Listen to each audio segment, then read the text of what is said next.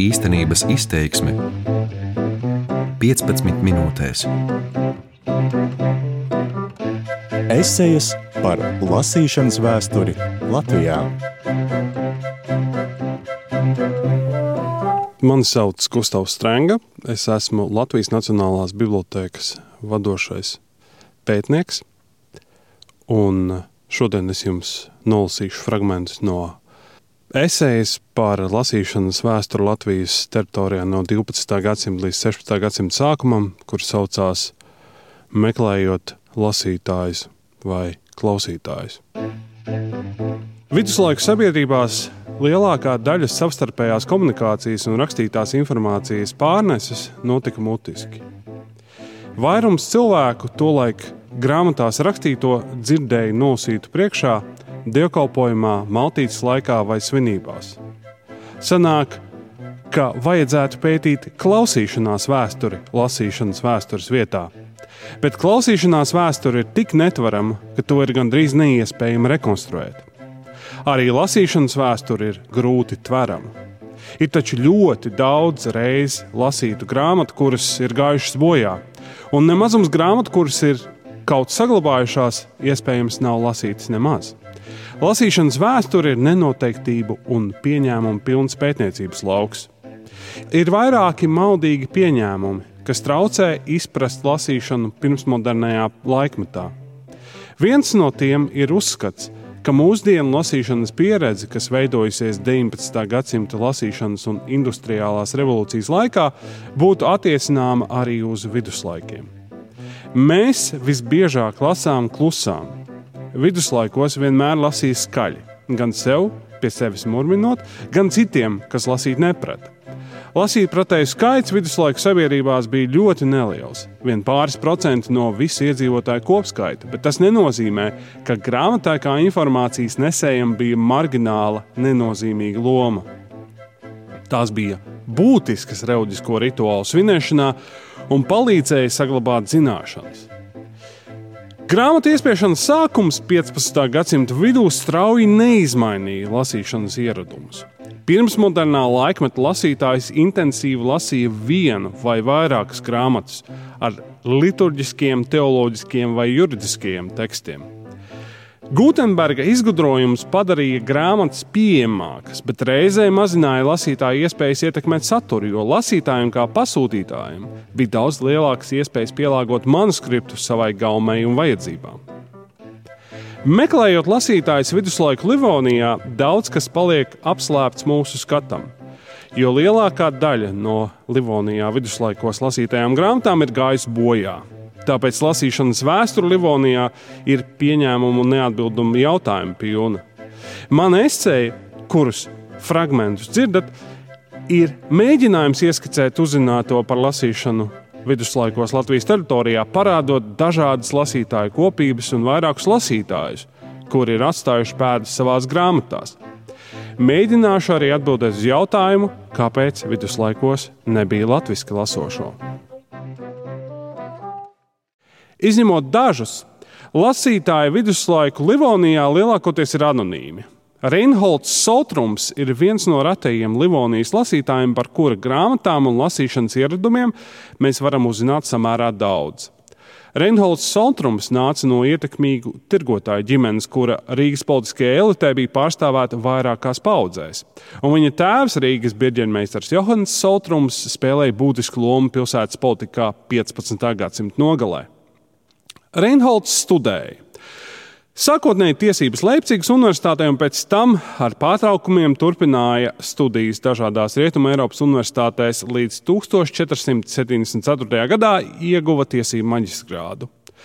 Ap 1477. gadu Soltrums atgriezās Rīgā un darbojās kā garīdznieks. Vairāk par viņa dzīvi nav zināms, un ap 1480. gadu Soltruma pēdas Rīgā pazūda. Līdz mūsdienām saglabājušās vismaz 15 soltrumpa grāmatas. Tās nenoskaidrotos apstākļos sākotnēji ir nonākušas Franciskāņu konventu rīcībā, pēc reformācijas kļūstot par daļu no Rīgas pilsētas bibliotēkas. Soltrumpa grāmatu kolekcija, kuru viņš veidoja arī studējot Rietumē, Eiropā, iespējams Strasbūrā un Ķelnē, ir unikāla, jo ir senākā zināmā privātā grāmatu kolekcija Rīgā. 15. gadsimta nogalē Eiropas intelektuāļi tikai sāka veidot savas personīgās bibliotēkas. Pirms tam to varēja atļauties tikai valnieku un augstākā garīdzniecība. Būtisku lomu Reinholda kolekcijas izveidē, domājams, spēlēja tirgotāja Soltrumpa ģimenes labklājība. Citādi diez vai universitātes izglītību ieguvis priesteris jurists ar garīgu kalpošanu un notāra amatu būtu spējis iegūt pietiekamu līdzekļu, lai atļautos nopirkt tik daudz grāmatu. Soltrumpa krājumā ietilpa iespiestas grāmatas un manuskripti, teoloģiskā un juridiskā literatūra, encyklopēdijas un daļa literatūras darbi. Grāmatās ir atrodamas arī paša Soltrumpa veiktas piezīmes, īpašuma ieraksti un krāsoti iniciāļi. Reinholds Soltrums sev piederējušajās iespiestajās grāmatās ir veicis daudz papildinājumu, īpaši sarkani krāsotu iniciāļu veidā, kuri gan izskatās nedaudz neveikli. Viņš grāmatās arī ir pārrakstījis vairākus dzējoļus. Reinholda Soltrumpa grāmatu vidū bija tā laika jaunākie juridiskie izdevumi, un Reinholds šos darbus patiešām lasīja. Par to liecina viņa piezīmes lapas pušu malās. Soltrums bija lasītājs kuram šķita svarīgi sevi ar ierakstu un attēlu manifestēt grāmatās. Ir grāmatas, kurās Reinholds vairākās vietās ar lieliem burtiem ir ierakstījis savus iniciāļus RS, pieminējis savu tēvu Johanu Soltrumpu, un ir grāmata, kurā viņš vāku iekšpusē ir ielīmējis iespiestus attēlus.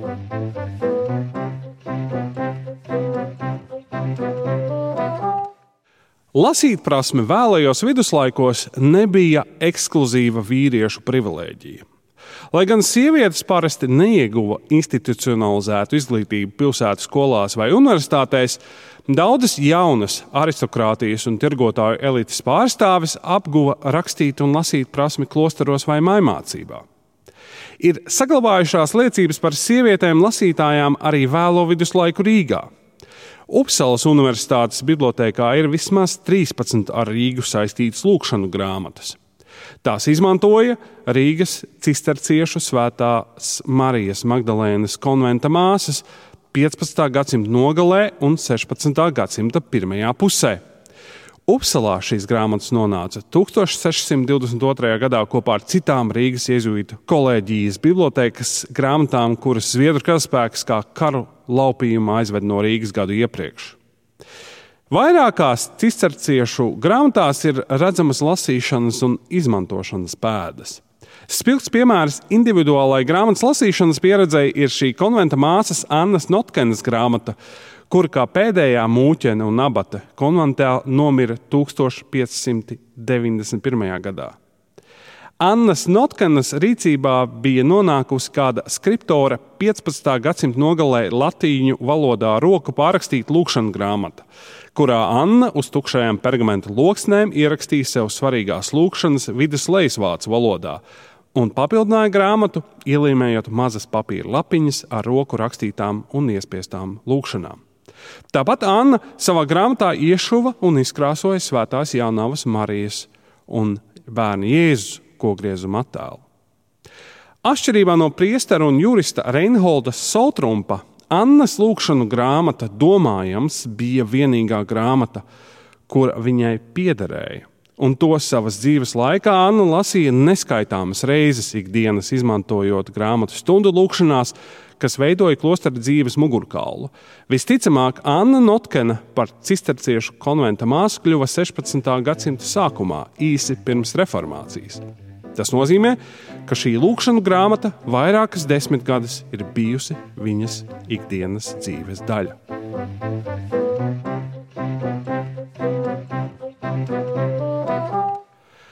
Vai bija latviešu lasošie viduslaikos?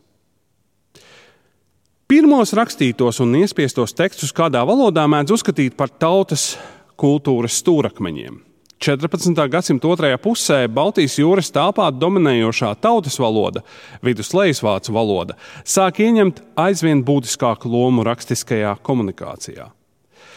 15. gadsimta nogalē un 16. gadsimta sākumā Eiropā parādījās pirmie iespiestie teksti mazākās tautas valodās, kā piemēram poļu vai zviedru. Tomēr Baltijas austrumkrastu valodās latviešu, igauņu, semprūšu, somu un lietuviešu pirmie teksti tika iespiesti tikai reformācijas iespaidā. Līdz šim zināmie pirmie latviešu rakstītie un iespiestie teksti ir tapuši 16. gadsimta 20. un 30. gados. Kāda būtu bijusi latviešu rakstīta un lasām teksta funkcija pirms reformācijas, vai tādi vispār bija nepieciešami, mēs varam jautāt. Liturģija bija latīņu valodā. Elite lasīja viduslejsvācu valodā, bet potenciālie lasītāji vietējās valodās, latviešu un igauņu, bija maz. Tāpat Livonijas pilsētās līdz pat 16. gadsimta sākumam rakstītas igauņu un latviešu valodas pēdas nav atrodamas ne brālību, ne pilsētu pārvaldes institūciju lietvedībā. Tikai reformācija ar Lutera ideju par liturģiju tautas valodās radīja nepieciešamo motivāciju ieguldīt prāvus līdzekļus rakstītu un iespiestu tekstu radīšanā arī Livonijas tautas valodās. Kā to apliecina 1525. gadā Lībekā pārtvertais un iznīcinātais Rīgai domātais iespiestais teksts Lutāņu mise, Igaunu, Latviešu un iespējams arī Lībiešu valodā. Ir kāda grāmata, kur liecina par veidu, kā rakstītās latviešu valodas dzimšanas laikā citās valodās iespiestos tekstus pielāgoja to mutiskai pārnesēji latviešu valodā, pievienojot iespiestajam tekstam rakstītus fragmentus latviešu. Rīgas apgājumas katoļu priesterim Nikolausam Gisbertam piederēja 1507. gadā Leipzigā iespiestā priesteru rokas grāmata ar dažādu rituālu lūkšanām latīņu valodā - Agenda Sive Benedikcionāle. Šajā grāmatā atrodama visticamāk starp 1529. gadu un 1534. gadu īpašnieka veiktie ieraksti, garāki fragmenti un frāzes latviešu, kuriem līdzās ir arī sīkas rokrakstu piezīmes viduslejas vācu un latīņu valodā. Grāmatā vienā no pirmajām lapas pusēm ir pierakstīta tēvreize latviešu valodā. To arī devē par Gisberta tēvreizi.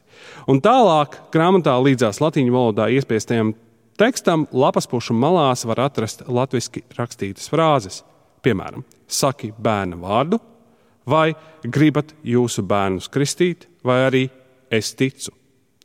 Šo piezīmju uzdevums bija palīdzēt atcerēties garākus nepierakstīta teksta fragmentus, un tās bija noderīgas grāmatas īpašniekam, kristot, laulājot, svētot ūdeni un uguni vai veicot kādu citu rituālu darbību.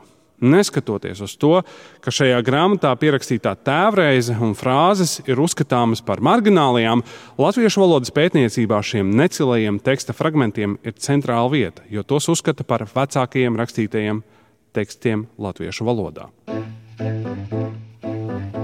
19. gadsimta lasīšanas revolūcijas un 21. gadsimta digitālās revolūcijas ietekmē lasīšana ir kļuvusi par slavētu un augstu novērtētu nodarbi.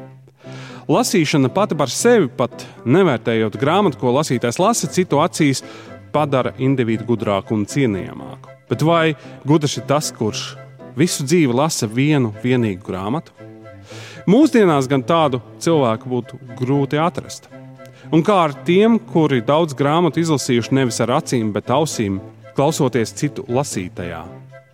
Zināmā mērā mūsu modernā un pēcmodernā laikmeta lasītāju pieredzes nonāk konfliktā ar lasīšanas veidiem, kuri pastāvējuši vairākus gadsimtus pirms mums. Arī viduslaikos bija ļaudis, kas lasīja grāmatu pēc grāmatas, bet viņi bija mazi. Tolaik arī tiem, kas paši nelasīja, bija lemts iegrimt interesantos stāstos. Tikai šie mutiskie stāsti, pat ja to sākotnē rodam grāmatās, ir neatgriezeniski zuduši.